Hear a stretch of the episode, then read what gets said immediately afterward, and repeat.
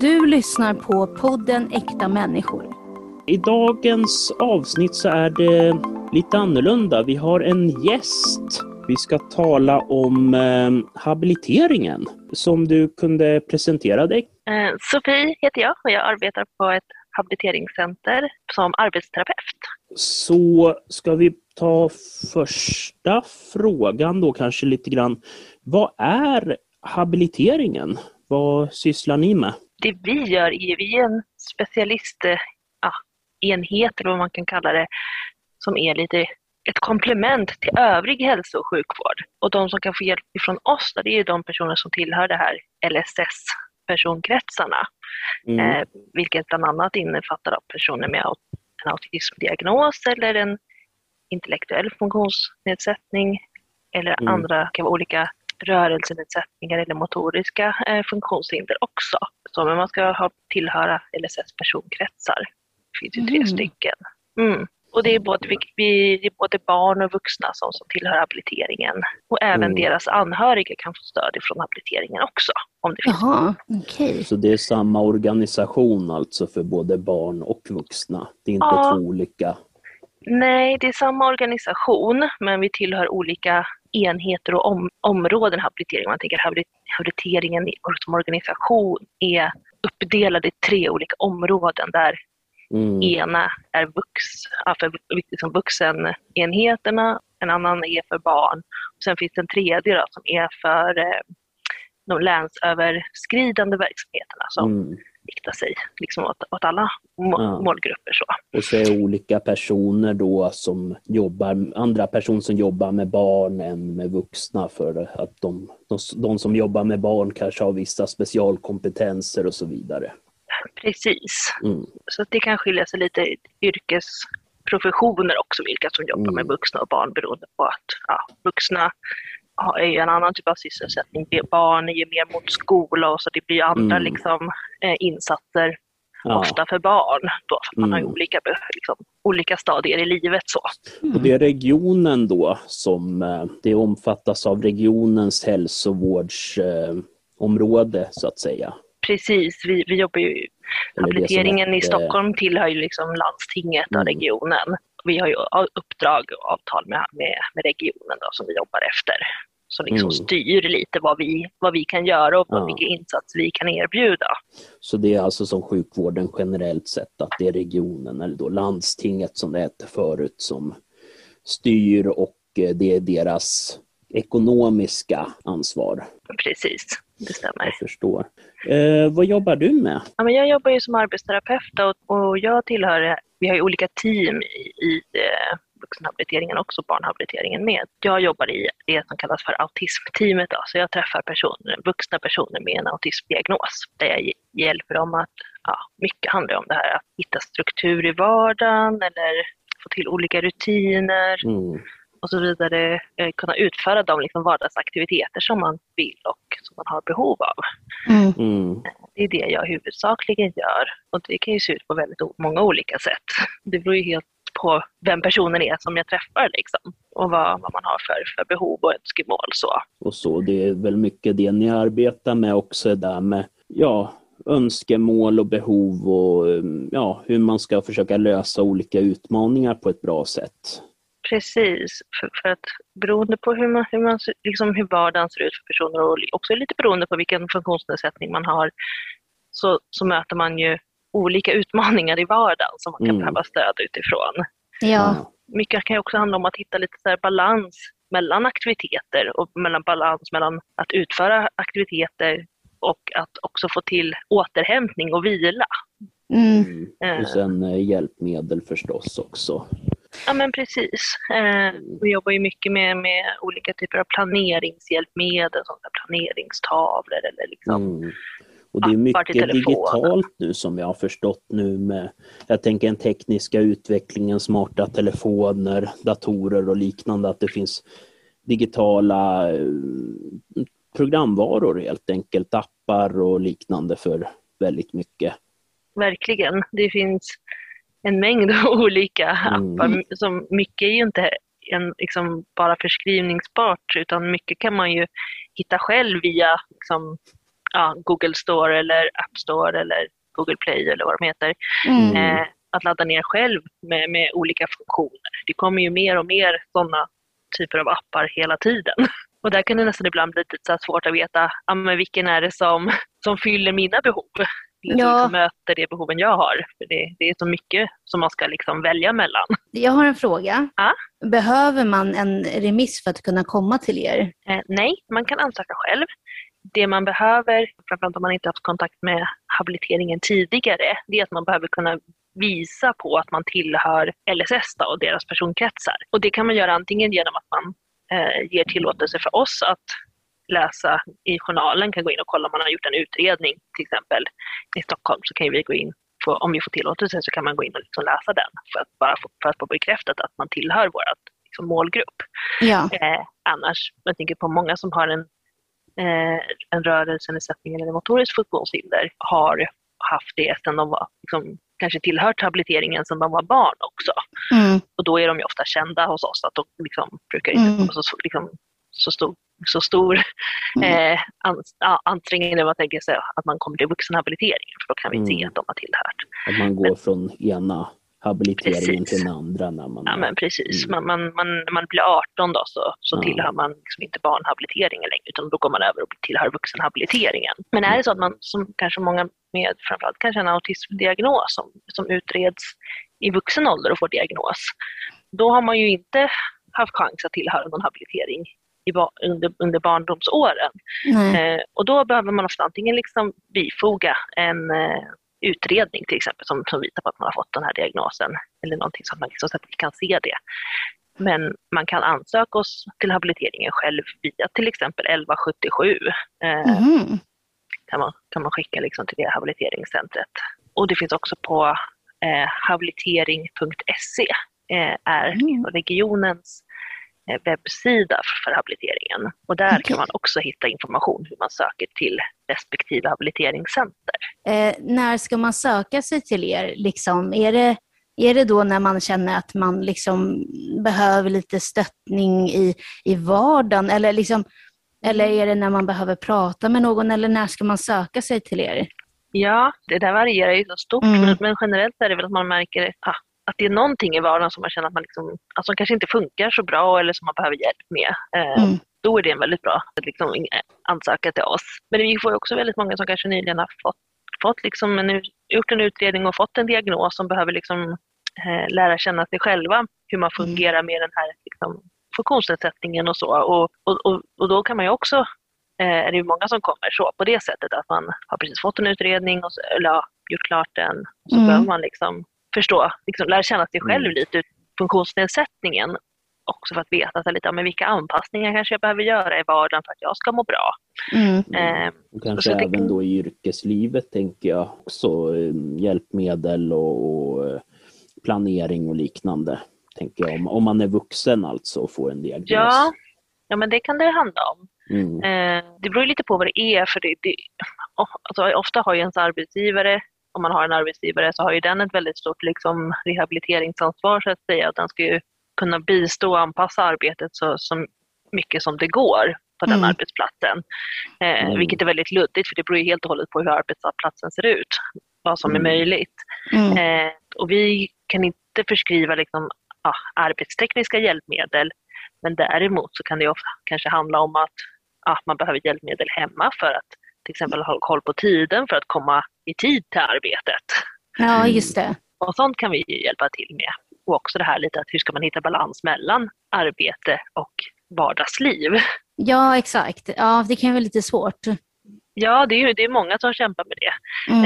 Eh, och det skulle jag säga kanske oavsett om man har en diagnos eller inte så kan det ju vara väldigt knepigt att få till Ja, men balansen. verkligen. Ja, Mm. ja. Och framförallt om man har en diagnos som också är, gör att, man, att det går åt väldigt mycket energi. Så, Mm. så är det ännu viktigare att ha en, en bra struktur på det. Och, ja, så att man också ser till, för det är väldigt viktigt att få, få till det här att få återhämtning eh, exakt. på dagen. tänkte ju, ursäkta. Nej, men jag tänkte det där med hjälpmedel, för det är också en del av det hela. Det finns ju något som heter så vackert som eh, Hjälpmedelscentralen. Det är ett sånt här ord som myndigheter och samhällsfunktion heter ju inte så längre generellt sett. Om vi kunde tala lite grann om det, om hjälpmedel och vad det finns och vad är vanligaste hjälpmedlet som brukar skrivas ut? Det finns ju både liksom, men, kognitiva hjälpmedel som, vi, som det kallas, det är de som man, som till exempel tidshjälpmedel, här med timstockar och olika planeringsverktyg och, och Mm. sådana saker. Eh, det kallas ju kognitiva hjälpmedel och där skulle jag nog säga liksom att det vanligaste vi liksom förskriver där är ju någon typ av planeringstavla, antingen en Mm. digital eller en liksom fysisk på typ en whiteboardtavla. Mm. Mm. Och sådana här timstockar, så tidshjälpmedel är ju väldigt vanligt också. Okej. Mycket att man behöver koll på, ja, behöver liksom visualisera tiden lite, hur, hur lång tid är 20 minuter till exempel. Mm. Mm. Eh, Mm. Och det visar ju den här timstocken då genom att, ja, med, med lyslampor då, som symboliserar olika min- minutintervall och att Mm. räkna ner tiden. För det är det många, som man kan ha svårt med, att, liksom, att man kanske inte riktigt känner, liksom, här, ja, har det gått fem minuter eller har det gått en timme? Ja men Mm. precis, Det kan vara svårt att avgöra det här, hur lång tid har det gått och hur mycket tid har jag kvar? Ja, Mm. men exakt. Och Speciellt om man är i någonting, då kan jag också tycka att det är väldigt svårt att avgöra hur lång tid det har gått. Exakt. Liksom. Ja, Mm. Då är man ju fokuserad Mm. på det man gör och så kanske man inte känner av, liksom, ja, Mm. har inte så mycket fokus på tiden. Nej, exakt. Och då kan en sån här timstock till exempel hjälpa väldigt bra. Just det. Mm. Ja. Och Men sen har även vi också, eh, månadsplanering också. för det är också viktigt att få ha ett bra system hur man, ja men vad ska man göra under en vecka eller en, en, Mm. en dag? Eh, Mm. Så, så att man också kan planera in så att det blir en jämn fördelning över aktiviteterna. Mm, just så att det. inte blir så här jättemycket saker som man gör en dag och så, Mm. blir man, och så kan det leda till att man blir jättetrött Ja. i flera dagar. Och så får man, ja, så den är ju, syftar ju mycket till att man dels ska ha koll på vad man ska göra men också att det blir en bra fördelning. Det är någonting som jag säkert skulle behöva. Ja, jag får nog tänka på det. För att eh, det är så, alltså, ibland kan jag också själv tycka att man, man försöker pressa in så mycket på en dag och så blir man otroligt, otroligt trött. Liksom. Ja, Eh, Mm. Ja, det kan det ju ta ganska har- lång tid att återhämta sig Mm. efter en sån dag också. verkligen. Och så kanske man har ett arbete också, då blir ju det plus allt annat. Att det är både arbete, tvättmaskiner som ska köras, golv som ska dammsugas och mat som ska tillagas. Mm. Och förstås handling och sånt där också, veta vad man ska handla och vad man ska äta och sådär. Det är ju det där Precis. berömda livspusslet. Precis, Mm. så, så att den är ju viktig då att ha. Och så ska man få in kanske ett eller annat möte också som man Mm. ska komma ihåg i allt det här andra man ska göra. Ja, Ja, då är det bra att ha ett bra system med kanske påminnelser eller liknande för att Mm. komma ihåg. och, det, Och då använder man tavlan eller? Det kan man göra. Ja. Viss, vissa kombiner, framförallt om man har en så här digital kavla, tavla så kan man ofta koppla dem ihop med telefonen. Så att man kan också Mm. få påminnelser i telefonen om man till exempel inte är hemma. Jaha. Eller så många använder också alarmfunktion på telefonen, att man ställer in olika alarm på Mm. Ja, tidpunkter. Eh, Så mycket kan man ju göra liksom, om man har en smartphone. Så mycket kan man ju göra i den telefonen Mm. utan att behöva ha något extra eh, hjälpmedel. Ja, just det. Ja, Mm. exakt. Ja, men det är ganska smart.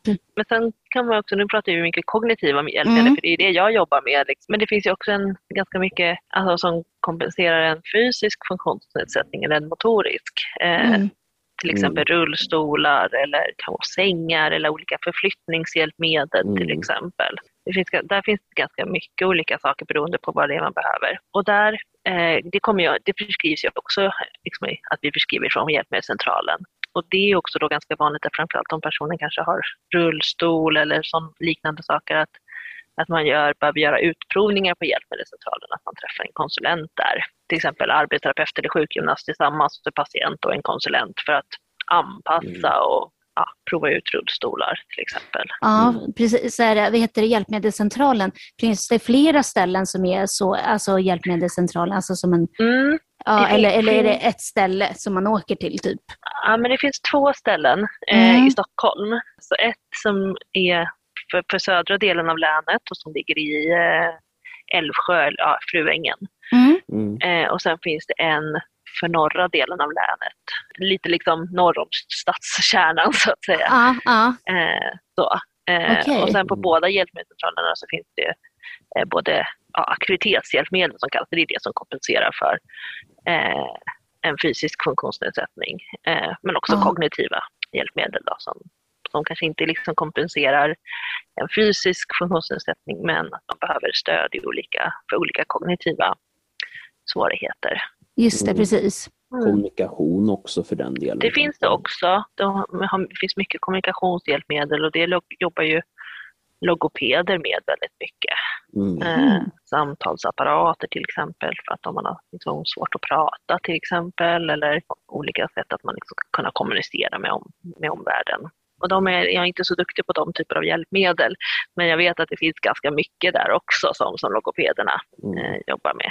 Jag lä, läst, eller jag hörde, jag tror det var något tv-program någon, om just det där med sms, att sms var ju tydligen en teknik som var utvecklad ursprungligen för att hjälpa personer som var döva att kunna kommunicera över, över telefon, men sen blev det ja, väldigt Mhm. allmänt använt. Okej, ja, Mm. Ja. Ja, så skulle det ju kunna vara. Det kan vara att jag har fel, att jag har fått det helt om bakfoten. Mm. Men absolut, det finns ju mycket olika sådana liksom, tekniker där man kan kommunicera på andra sätt än bara genom talet. Vad var det som gjorde att du ville liksom börja jobba med så här, äh, habiliteringen och så? Ja, ja men det jag tyckte var spännande som, som skiljer sig mot det jag jobbat med tidigare var ju just det här att det liksom är mer utifrån, att man jobbar mer utifrån strategier och hitta sätt att fun- alltså, ja, få till en bra och liksom, fungerande vardag. Mm. Eh, och att det liksom är de här kognitiva bitarna. Eh, jag har jobbat mycket med i primärvården förut med mer fysiska funktionsnedsättningar eller liksom handskador och sådana saker. Så det här var ju något helt annat än vad jag har gjort tidigare, vilket jag tyckte var spännande.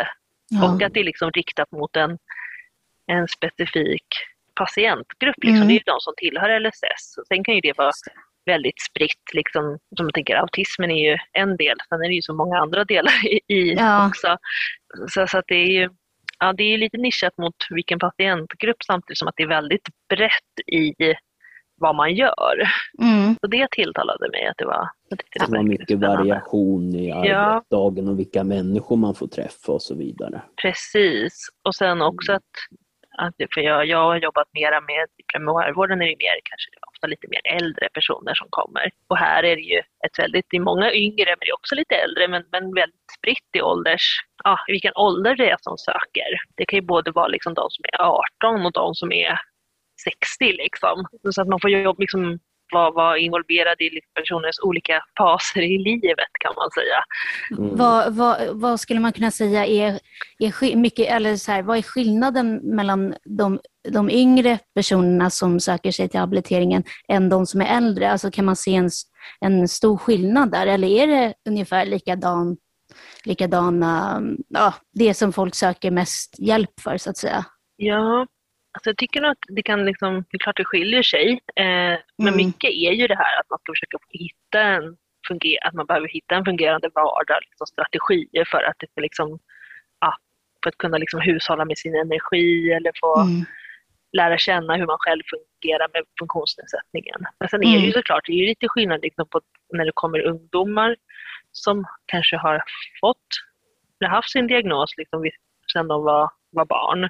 Mm. Eh, då, har ju de, då, hand, då handlar det kanske mer om att de ska lära känna sig själva i ett vuxenblivande. Så här, hur, ja, men hur är det liksom när man ska bli vuxen, och man ska ta hand om, liksom, man ska klara sig själv och man ska liksom bli mer självständig och eh, kanske liksom flytta hemifrån. Mm. Ja, exakt. Mm. Sådana saker som man kan behöva liksom stöd i att utforma för att man inte har, då är det ju någonting som man behöver liksom lära sig eller få till som man inte har gjort förut. Hitta strategier när man inte har kanske föräldrarna längre som stöttar upp på samma sätt som när man bor hemma. Så då kan man behöva ett visst liksom stöd kring det. Medan om man är äldre så kan det ju handla om att man, ja, men man har ja, men bott hemifrån länge så oftast och eh, kanske har en familj och, och så. Då behöver man, kanske man behöver liksom stöd framförallt om man kanske nyligen har fått en diagnos. Och att, ja, Mm. men hur fungerar jag? Liksom? Hur Mm. behöver jag anpassa vardagen för att det ska liksom bli bra för mig men också för familjen. Om man har ju kanske då har man barn så är det ju flera, det är inte bara mina egna eh, aktiviteter och liksom händelser som man behöver ha koll på. Man behöver också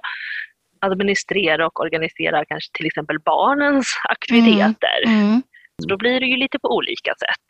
Men sen behöver ju många också det här stödet kring så här, vilka, vilka stöd kan man få ifrån samhället liksom, Mm. i övrigt för habiliteringen är man ju inskriven i under ett, en period medan man liksom försöker hitta någonting som funkar.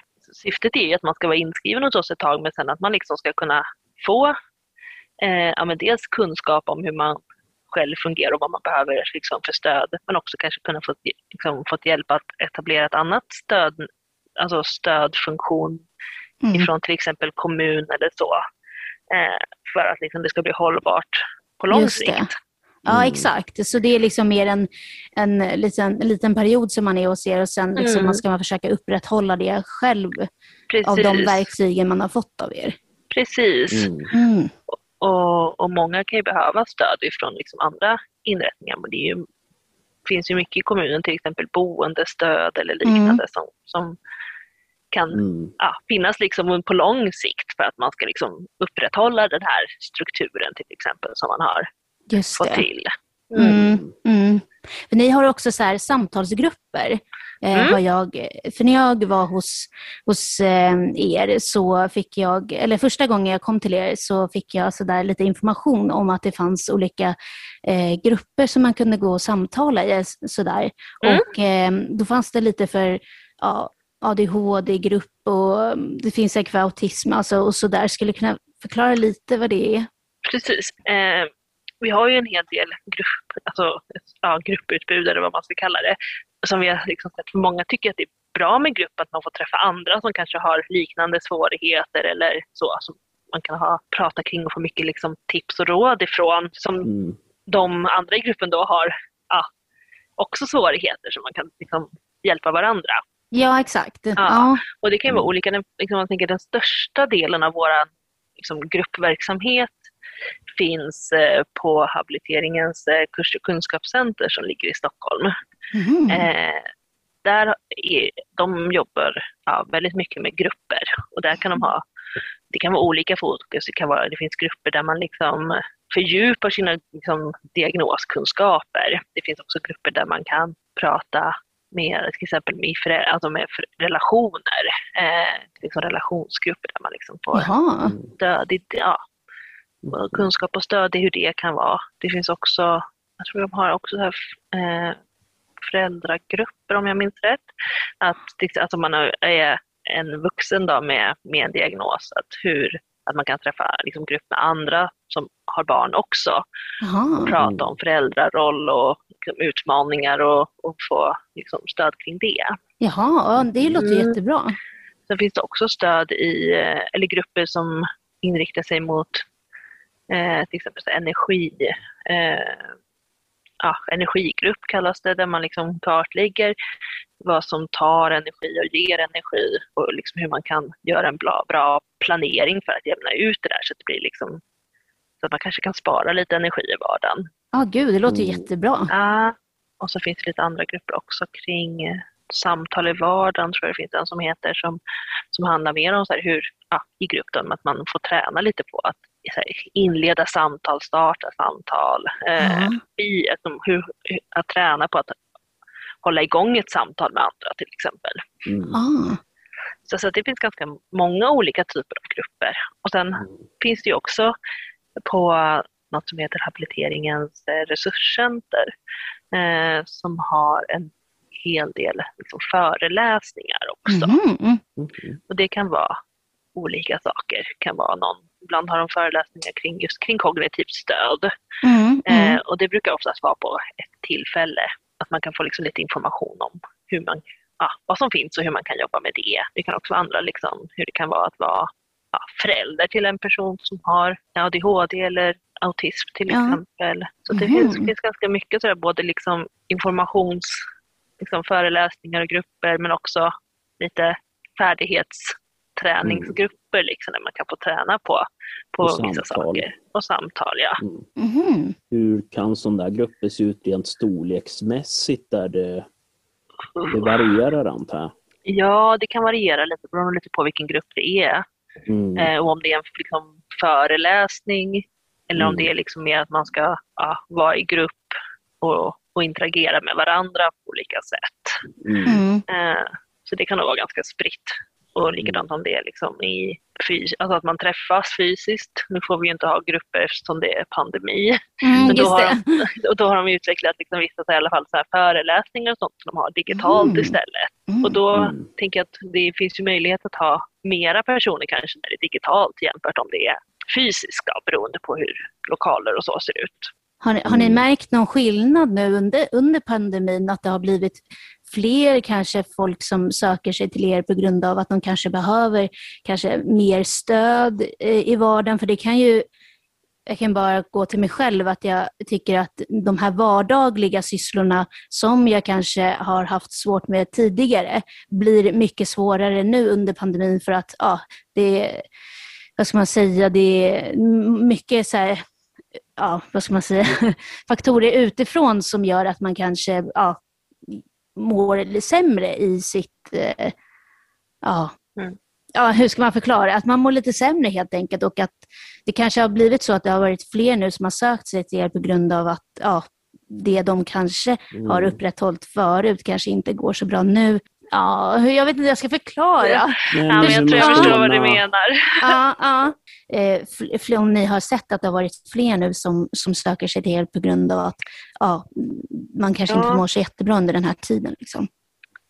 Ja, nej, men alltså det, jag, vet, inte, jag kan inte säga om det är liksom mer, det vet Nej, jag inte. Men, nej. men det kan ju bli så här, jag tänker generellt i samhället när det är så här att ja, men det är ju lite osäkra tider och det blir, kan bli Mm. ganska snabba förändringar ibland på Mm. vad man liksom ja, vad man får och inte ska göra och, Mm, och sådär. exakt. och jag tänker för, Mm. för det kan också bli för många det här om, omställningen att man har kanske haft ett jobb och så har man gått till jobbet men Mm. att man nu ska jobba hemifrån.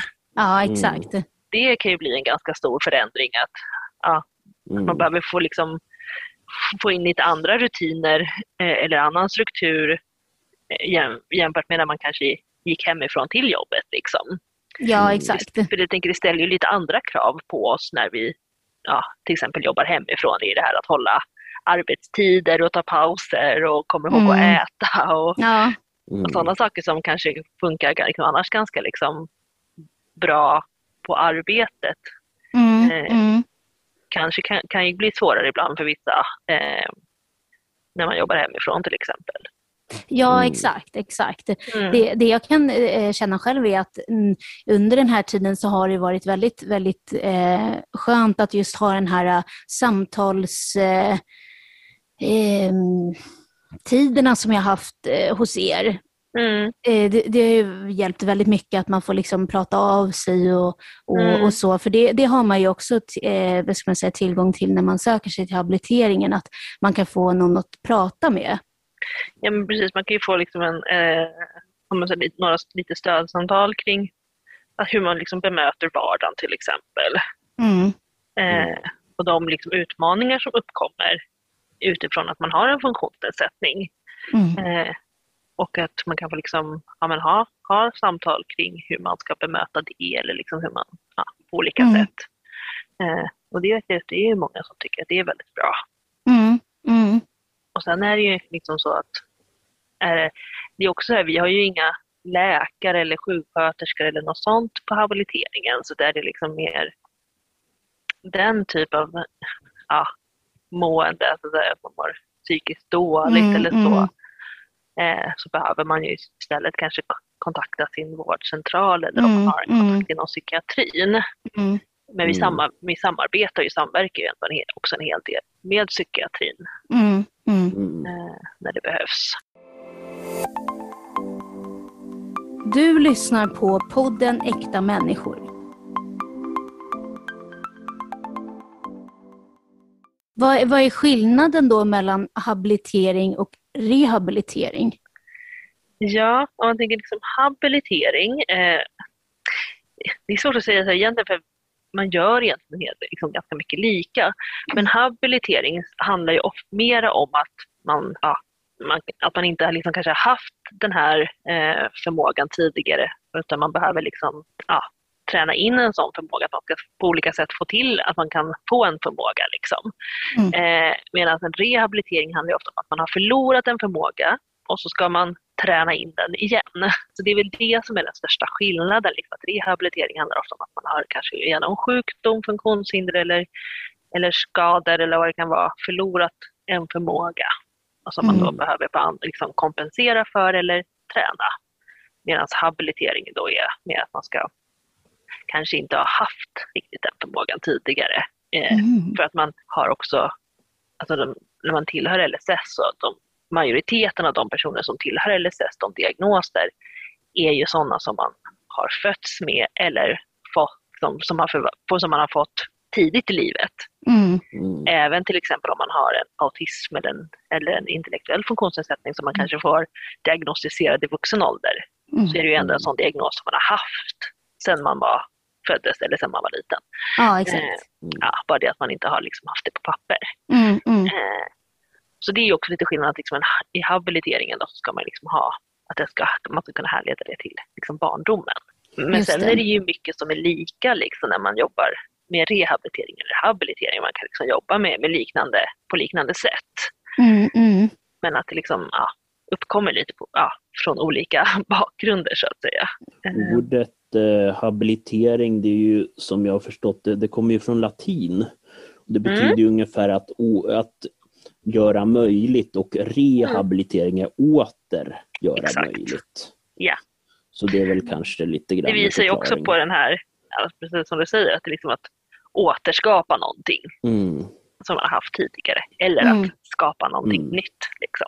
Då ska vi se eh, om vi då kanske kan eh, återgå till hjälpmedel, för vi gillar hjälpmedel i den här podden. Så jag tänker, för man ansöker ju då om ett hjälpmedel om det är något man behöver, om man behöver en tidstock eller om man behöver en rullator eller liknande. Och sen ska ju göras en bedömning om man behöver det och sådär. Och hur lång tid kan det ta till exempel? Det beror helt på vad det är för någonting. Mm. För det, det som du säger, man behöver ju alltid liksom göra en bedömning som förskrivare, som till exempel som arbetsterapeut. Eh, att man, vi har ju lite så här rikt, liksom, förskrivningsregler och, och Mm. riktlinjer och sånt som vi behöver liksom ta hänsyn till. Så att man, först gör man ju en bedömning. Liksom, vad, är det, vad Mm. är personens svårigheter och vad behöver den för, för, för till exempel för hjälpmedel för att den ska kunna göra de här aktiviteterna som den Mm. personen som vill eller behöver kunna göra. Mm. Eh, och sen beror det lite på, vissa hjälpmedel går ju väldigt fort att få, så andra tar ju lite längre. Ofta sådana här planeringshjälpmedel liksom, hjälpmedel och sånt kan man ofta få att man en som, som förskrivare då, så behöver man ju liksom beställa de här sakerna och det brukar ta ett par veckor. Eh, Medan andra saker kan ta mycket längre. Det beror på om det är saker också där som, som Hjälpmedelscentralen har på lager eller om det är saker Mm. de behöver köpa in Mm. är det till exempel rullstolar när det behöver specialanpassas för så på olika sätt. Det brukar också ta lite längre tid för då behöver man kanske beställa eller ja, att man behöver beställa liksom specialbeställa saker eller att de ska liksom anpassa det på hjälpmedelscentralen på olika sätt. Så Ja. då, kan det, då tar det lite längre tid. Så det, det är svårt att säga. Det finns Mm. inget så här generellt så här lång tid tar det. Nej. Utan det beror helt och hållet på vad det är för, för hjälpmedel. Mm. Mm, precis, och det är väldigt individuellt. Ja. Liksom. Väldigt individuellt. Mm. Det upphandlas en del hjälpmedel som, behöv, som det finns eh, stort behov av. För, som jag har förstått saken så Hjälpmedelscentralen de servar inte bara habiliteringen utan även rehabiliteringen. Har jag Ja. helt fel nu? Ja. Nej, det stämmer. Så till exempel min mormor som är 85, hon har ju fått en eh, rullator till exempel och där antar jag att det är Hjälpmedelscentralen som har stått för den. Ja, om man har fått den utprovad ifrån sjukvården så, så kommer Mm. den då med största sannolikhet därifrån. Ja, det, det Mm. gissar jag, hon, hon skulle nog inte betala själv. Nej. När personer är på sjukhus och ska komma hem så Mm. kanske det behövs vissa hjälpmedel för att man ska klara sig hemma. Och då kan ju de sakerna kan ju gå lite snabbare för att då är det lite mer akut Mm. än, än till exempel en planeringstavla som Ja. inte är liksom avgörande för om du ska kunna bo hemma eller inte. Och sen finns det vä- väldigt speciella hjälpmedel för jag vet jag läste om eh, vissa regioner har ju den där trappstegsmodellen och då finns det ju till exempel saker som har med fritidssysselsättning och specifikt kanske idrottsengagemang, specialanordningar för skidåkning, den typen av saker. Och där är ofta så som jag har förstått det att då får man, kan man få en subventionering för att införskaffa den saken själv. Ja men precis, det, det finns det Mm. också. att Man, i vissa, för vissa hjälpmedel att man kan få ett bidrag eh, Mm. för att köpa in hjälpmedlet själv. Och det kan Mm. handla om till exempel om de, det utbudet som finns inom regionen och hjälpmedelscentralen inte passar patientens behov. Då kan man till Mm. exempel ansöka om ett sånt här bidrag eh, och få det. Då blir det liksom en engångsbidrag så att man kan köpa in en egen hjälpmedel istället. Mm. Mm, mm. Det ser så olika ut från vilket landsting eller vilken region man bor i också vad som Mm. är möjligt att få förskrivet från vår, sjukvården och vad som man behöver liksom Ja. betala för själv och vad man kan få bidrag till. Men det, så skulle du kunna bara lite snabbt kunna utveckla lite, så här, lite mer kring det här med, med struktur i vardagen? För det är inte alla som, som förstår det här att, att det är viktigt med struktur i vardagen. Och skulle du kunna förklara till exempel eh, lite mer kring den här tavlan? För jag är väldigt intresserad av den här tavlan. Ja. Eh, ja, men det man gör ofta är liksom man kartlägger eh, patientens vardag. Mm. Så här, hur, ja, vad gör man på dagen och eh, vad är det liksom kanske som, alltså vad är det som fungerar bra och vad är det som gör att det fungerar bra? Men också Mm. vad är det som kanske inte fungerar så bra och vad behöver man liksom kompensera för att det ska fungera bra? Vilka Mm. strategier behöver man få till? Mm. Eh, och då kan man ju jobba med den här tavlan till exempel om man har eh, en, eh, en whiteboardtavla då, så, Mm. som är uppdelad för en, en dag, ja, varje veckodag i, i veckan. Då. Mm. Eh, och så kan man ju liksom jobba utifrån den att hitta dels att man skriver in de saker som man har planerade under en vecka. Men Mm. också kanske man planerar in så här, ja, men hushålls eh, aktiviteter, att man ska, ja, men vilken dag ska jag tvätta och Mm. vilken dag ska jag gå och handla och vad ska jag handla? Att man liksom kanske får in det på något sätt också. Eller att man Mm. planerar måltider kan det vara och vad ska man äta för, för mat till Ja, lunch eller Ja. middag till exempel om man, om det liksom, om man behöver det. Men också så här, ja, att man kanske behöver planera in så här, men vilka dagar har jag boendestöd och vad ska vi göra då? Och kanske vad man, ja precis, vad ska man göra då under det här boendestödet? Kanske man, man behöver liksom och, ja, fixa saker som man har skjutit undan under en Mm. längre period och så. Precis. Så, så att syftet med en sån här planeringstavla är ofta att, liksom att visualisera så att man ser sin liksom veckoplanering. Mm. Ofta kan det vara så att många liksom man har en planering som man håller i huvudet. Men Mm. det tar ju också mycket energi för att man ska, behöver liksom hålla den här planeringen aktuell hela tiden liksom, i huvudet. Mm, Men skriver man ner den så på en så här på en whiteboardtavla som man ser när man liksom går förbi den eller när man är i köket eller vart man nu har den så kan det för, för vissa personer minska stressen. Exakt. Mm. Eh, för att man då ser, ja men okej, ja men det var, på, det var den här dagen jag skulle göra det här. Så då behöver inte jag lägga så mycket fokus på det idag, för det är inte någonting jag ska göra idag liksom. det syftet med en sån tavla är också att man inte ska behöva ha till exempel så mycket papper liggandes. För då Ah. måste man komma ihåg vart om man hade om och så, Ja. Mm, Papper har en tendens att få ben och springa bort. Japp. Mm. Yes. eller hamna någonstans och så vet man inte vart man har det och så, hit, så hittar man inte sin planering. Utan Man, man syftet- brukar hitta det två år efteråt. Sådär. Två Ja. år efter att jag slutade plugga folkhögskola, då hittade jag olika läxor och grejer i väskan. Ibland kan det också vara svårt att hålla koll på alla de här lapparna. Och, Mm. Absolut. Och man kan ha många olika, man kan ha liksom, det kan vara kallelser och så kan det vara Mm. andra, liksom andra Mm. Lappar eller papper som man ska liksom synkronisera och Ja. sådär. Och kanske även dela upp uppgifter. Jag tänker om man har något som en deadline. Nu tänker jag till exempel om man studerar, om det är Mm. folkhögskola eller komvux eller vad det kan vara. Och så har man en uppgift, det här behöver göras det här datumet senast. Om man har uppskrivet på en tavla då kan man ju kanske göra så att man, ja, man gör lite av den på tisdagen och lite på de, den på onsdagen och så fredag är sista dagen. Precis. Och så där istället för att man gör det på torsdag kväll.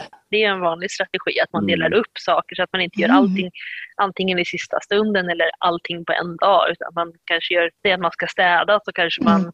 Liksom dammsuger ena dagen och så dammar man andra dagen och så tredje dagen Mm. städar man Mm. badrummet till exempel. det, det, den strategin tycker jag bättre om. För att det, ibland när jag, liksom, eller ofta när jag städar, jag har boendestöd också, men då är det så här att jag liksom tar, gör allt på en och samma dag. Och Mm. Då kan det nästan kännas lite jobbigt nästa gång jag ska göra det, för då vet jag att nu ska det vara så här mycket igen. Då är det ju Just bättre det där, att man delar upp det. Ja, det kan ju Mm. göra att det blir lättare att komma igång med saker också när man vet hur mycket man ska göra på, på den Mm. tillfället. Och också att det är så här, men okej, nu ska jag göra sig det här och så imorgon gör jag det här. Då kan det liksom bli lättare att komma igång varje gång för att det inte blir så överväldigande och mycket. Och, och det är väl smidigt också då att man kanske vet var man ska starta, tänker jag. Mm. Absolut. Men man, man kan ju använda den här tavlan också till, som du säger, att liksom prioritera i vilken ordning ska man göra saker. Så att man Just liksom det. prioriterar kanske det som är viktigast eller Mm. gör en aktivitet i liksom rätt steg så att säga. Så att, det blir en, Precis. så att man kanske inte liksom börjar moppa golvet före man har dammsugit till exempel. liksom skriva ner stegen, vilken ordning ska man göra, göra det? Ja, det det kanske någon- skulle vara bra för fler, fler än de som kan få utskrivet. Jag menar, kanske skulle vara en Absolut. produkt att lansera. De flesta människor har ju behov av någon typ av planering på något sätt. Mm. Mm. Oavsett om man har en funktionsnedsättning eller inte. Det är ju liksom mycket man ska ha koll på i en vardag. Men det finns appar också för den delen för planering och de är, de är för det mesta gratis då. Ja, det finns lite olika. Det finns ju gratisappar med olika Mm. typer av kalendrar. Men sen finns det också lite liksom, olika appar som också kostar lite pengar. Mm. Men det finns också app som, vi, som man kan få förskrivet om man har behov av det. Som man kan Jaha. få då från, från en arbetsterapeut förskrivet. Mm. Om man, om man liksom vill ha huvuddelen av sin planering i telefonen till exempel. Mm. Men de kan man även pröjsa då själv om det är så att man inte har fått dem förskrivna. Jag tror inte man kan köpa de som är eh, gjorda liksom för att bli förskrivna. Så. Mhm. Eh, utan de behöver man ha, ha, få Mm. förskrivna av en arbetsterapeut och, och att man har liksom behov av det. Så. Men sen Mm. finns det ju, liksom, det finns ju liknande appar på liksom, själva appmarknaden också Mm. som, som Mm. är snarlika den, liksom, den som Nu, nu, vi nu, kan måste, förskriva. nu måste jag ställa en fråga som kan vara lite knepig, men jag som är något av en tekniker, jag måste ställa en fråga. Hur funkar det rent tekniskt att få en app förskrivet? Det är, ju- det är inte så att den bara pluppar upp då på App Store? Eller Nej, hur? den finns på App Store. Ja. Men den är kopplad till det här företaget då, som, har, som ja, skapar appen. Mm. eh, tillverkar den, att man behöver ha en förskrivning och då får man ett licensnummer som man behöver lägga in i appen när man startar upp den. Har man inte det här licensnumret så fungerar inte appen. Mhm. Mhm, jag förstår, jag förstår. Mm. Och det här licensnumret då är ju eh, giltigt eh, jag tror, tre år tror jag. Och sen behöver man Mhm. få en ny förskrivning för en förlängning i ytterligare tre eller fem år. Ja, Mhm, just det. För det tänkte jag typ så här med saker som eh, från Hjälpmedelscentralen och sådär. Är det någonting som man typ eh, får en gång och så har du det resten av ditt liv? Eller är det så att du måste lämna tillbaka det? Eller hur är det? Hur funkar det? i stort, men i stort sett allt som man får från Hjälpmedelscentralen eller som man får förskrivet av en Mm. arbetsterapeut, sjukgymnast, logoped eller vilken profession det kan vara, är, Mm. är sånt som man liksom, det är sånt som man lånar från Ja. Hjälpmedelscentralen. Så att man äger i stort sett inget av det. Eh, och det allra mesta förväntas att när man liksom inte har behov av det längre, att man ska lämna tillbaka det. Okej. Men på många saker finns det ingen bortre gräns, liksom, att ja, du får ha den här i tre år men sen måste du lämna tillbaka den. Utan det är liksom, så länge man har ett behov så har man ofta behov, kan man ha kvar hjälpmedlet så länge man behöver. Men om det skulle komma liksom en dag när man inte behöver det så förväntas det att man lämnar tillbaka det. Mm, mm, mm. Mm. Eh, generellt sett så är det så. Sen finns det ju alltid lite så här, ja, det ser lite annorlunda ut till exempel om man är barn och visst, ja, eller om man har man kan ju ha korttidsförskrivning av hjälpmedel också. Att man till exempel hyr dem för att man har en skada som till exempel om man har brutit benet så kanske man behöver hyra ett par kryckor i, Mm. i no- några veckor till exempel. Ja. Eh, och då Mm. förväntas det att man ska lämna tillbaka dem efter de här veckorna då, som man har fått lånet Ja. på. Men, men jag skulle ändå säga att de liksom flesta hjälpmedel som jag kommer i kontakt med är ju sånt som personen kan ha så länge den har behov av. Mm. Och det skulle kunna vara hela livet. Liksom. Det skulle det kunna vara. Mm. Ja, ja. Och ibland händer ju, jag jobbar inom second hand-branschen så jag vet ibland händer att vissa saker, till exempel kryckor, kan Mm. komma på avvägar och, och komma ut i allmänna second hand-handeln så att säga. Även om det står tillhör landstinget. Jag vet inte om du vill ta upp den frågan gällande någon, ett speciell typ av täcke täcke men eh, Ja, det är jag också väldigt intresserad av. Mm. Eh, för nu är det ju så att de gör mycket reklam också för sånt på nätet har jag sett. Ehm, Ja, Så här, du tecken menar tyngdtecken? ja, exakt. Mm. Eh, vad är det för någonting och vad, vad, vad är syftet egentligen med ett Ja. sånt täcke? Ja, men tyngdtecken har ju funnits liksom inom vissa vårdinrättningar att man har kunnat förskriva det.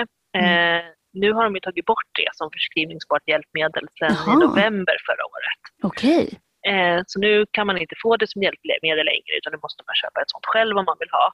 Men det som generellt är sånt tyngdtäcke då, som jag har förskrivit ganska många sådana eh, till personer Mm. som har sömnsvårigheter. Mm. Och det ska vara, Mm. det ska hjälpa liksom till att man, har man rätt tyngd och så, att det ska göra att man utsöndrar liksom så här må bra hormoner i kroppen med, i och med det här trycket då, som tyngden ger. Okej, Eh, lite som att få en kram typ. Ungefär. Ja, ja. Så att det kan verka lugnande. Är man väldigt liksom rörlig när man ska sova Mm. eh, så gör ju den också att man kanske inte rör sig lika mycket. Vilket gör att man Mm. kan slappna av mera för vissa. Och den, de eh, har ju förskrivits då, i syfte att förbättra sömnen. Eh, kanske antingen korta in insomningstiden. Ibland kan det ta, för, för vissa kan det ta flera timmar att somna. Eh, och då har man kunnat använda det här liksom täcket för att minska på insomningstiden. Mm, mm. Kommer ner i varv och liksom kanske rör sig mindre och slappnar av och kan somna snabbare. Liksom. Mm. Eh, men också att man kan, det kan också verka som att man inte vaknar lika ofta på natten utan att man sover längre tid sammanhängande sömn. Så, Ah, Mm. så, men, men som sagt, nu, nu får vi ju inte förskriva dem längre tyvärr. Okej, ja, för att det är så vanligt eller? Jag vet eller? inte. Det- Nej. Det, det är politikerna som bestämt det, att det ska ingå i det som kallas egenansvar. Aha, okej. Eh, Mm. Och det som, grunden till det är väl att de har bedömt eh, att det inte finns tillräckligt med evidens för att tecknen är effektiva. Och det finns ju en hel del forskning på det men det är samtidigt det är svårt att göra sådana alltså, såna studier som har högt status som är ja, blindade och eh, RCT-studier, att man randomiserar och har en kontrollgrupp och sådär. Det kan vara svårt att få till det på ett bra sätt. Precis. Så att, ja, vi får ju se vad som händer framöver. Om det, ibland kommer ju hjälpmedel tillbaka också efter ett tag. Ja, just det. Ja, det, det okej. är alltid liksom så här, men politikerna styr ju också vad man har till, liksom vad som gäller i regionerna, vad man har. Mm. Så liksom olika regioner har olika, eller är det samma alla? Nej, det skiljer Nej. sig från varje region. Mm. Aha, okej. Så att det finns ju, det här gäller ju Stockholms län, att man inte kan, eller Region Stockholm, då, att man inte kan förskriva tyngdtecken längre. Men i andra, vissa andra regioner så kan man göra det fortfarande. Jaha, okej. Jag läste Ah. ju till exempel att Region Sörmland använder ju den där behovstrappan, att de har olika mm, kriterier för olika behov och så vidare. Precis, och det använder man i Stockholm också. Mm. Mm. Eh, att det är liksom, ja, olika, liksom, är det personlig ADL till exempel, aktivitet, ja, personlig aktivitet i dagliga livet eller är det instrumentella som det kallas, som är liksom sånt som man gör i hushållet och det som hör till det. Eh, Mm. Och så finns ju det här också, ja, men fri, fritidsaktiviteter och så vidare. Det finns ju en behovstrappa som det kallas, Mm. eh, som man utgår ifrån för att kunna identifiera var, vart liksom behoven Mm. ligger. Och sen finns det ju olika regler kring vad man får förskriva utifrån de olika trappstegen. Och det ändras med jämna mellanrum på grund av politiska be- Ja. beslut, budget. Precis. Jag tycker att jag har fått väldigt, väldigt bra svar. Ja, Ja, vad kul. jag tycker vi Ja. har haft ett väldigt eh, trevligt samtal här. Ja, men det var Mm. kul att vara med. Ja, men jättekul faktiskt. Det, det är Mm. något som vi har tänkt på länge, så tänkte, äh, nu måste vi göra det. Ja, Ja, Ja. precis. Det är ju det där att försöka kombinera allmänbildande med underhållande. Så vi försöker ju båda, båda två Ja, egentligen. ja. Det är ju ofta Mm. så kacklar vi ju bara om en massa strunt vi Ja. två. Men, ja, men precis. Men det här mm, är jättespännande och eh, jättetrevligt tycker jag. Ja. Och ehm, verkligen, jag tycker verkligen att, att eh, om man verkligen har ett stort behov av att liksom få hjälp och så, då tycker jag verkligen att man ska ta det. Och då är det jättefantastiskt att ni finns och kan eh, hjälpa till. mm, Ja. det, är ju, det är ju väldigt viktigt eh, att man får de hjälpmedel som man behöver i, i vardagen. Och eh, det är ju inte alla som kan ha råd att köpa det ur egen ficka så då är det ju bra att det finns ett statligt stöd. Och Eller framförallt jag regionalt i det här fallet rent av. Ja, precis. Mm. Och framförallt så kan det också vara det här svårt att veta vad är det man har behov av. Ja, Ja. precis. Att Och man behöver väldigt- stöd i det, att identifiera liksom, vad behöver jag för någonting. Ja, Mm. precis. Och då kan ni hjälpa till med det också. Ja, absolut. Mm. Det är det vi gör allra liksom, och mesta, mesta Ja. delen av tiden. Att liksom hjäl- hjälpa sig att identifiera vad är det behöver hjälp med eller vad behöver man liksom stöd inom. Mm. Och sen att man ja, hjälper till att liksom ge det stödet. Du lyssnar på podden Äkta människor.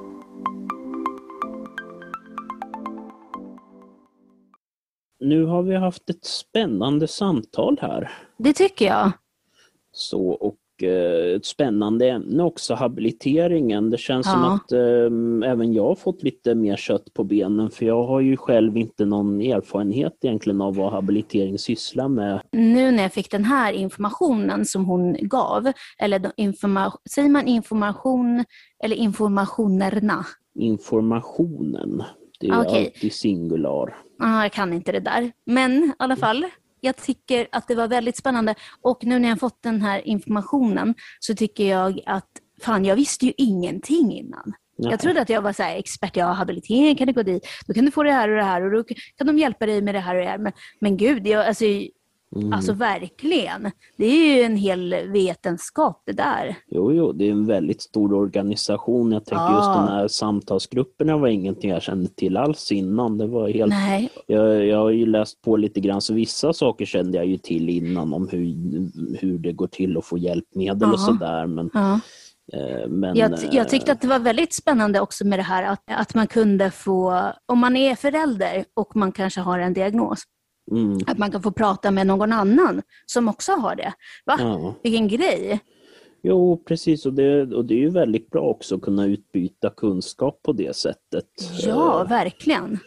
Och så, för det är ju så, folk har ju olika erfarenheter om hur det, vad som funkar bra och vad som funkar dåligt. Men om jag liksom ska ändå sammanfatta det här så tyckte jag ändå liksom att det handlar om mycket struktur i vardagen Mm. och hitta balans. Alltså, och det, det är ju någonting som jag alltid har velat säga till människor, att struktur, det är det viktigaste som finns. Alltså Mm. speciellt, alltså, jag kan bara återgå, eller återkomma till mig, så narcissistisk som jag är, så, så är det ju liksom att Alltså struktur är A och O, annars funkar inte jag. Ja, men det verkar som att, eh, att det är liksom kärnan till att få ett bättre liv, eller ja, få livet att fungera helt enkelt. Mm. Jo, men det är väl sådär. Alltså, det är väl en viss ordning behövs väl alltid.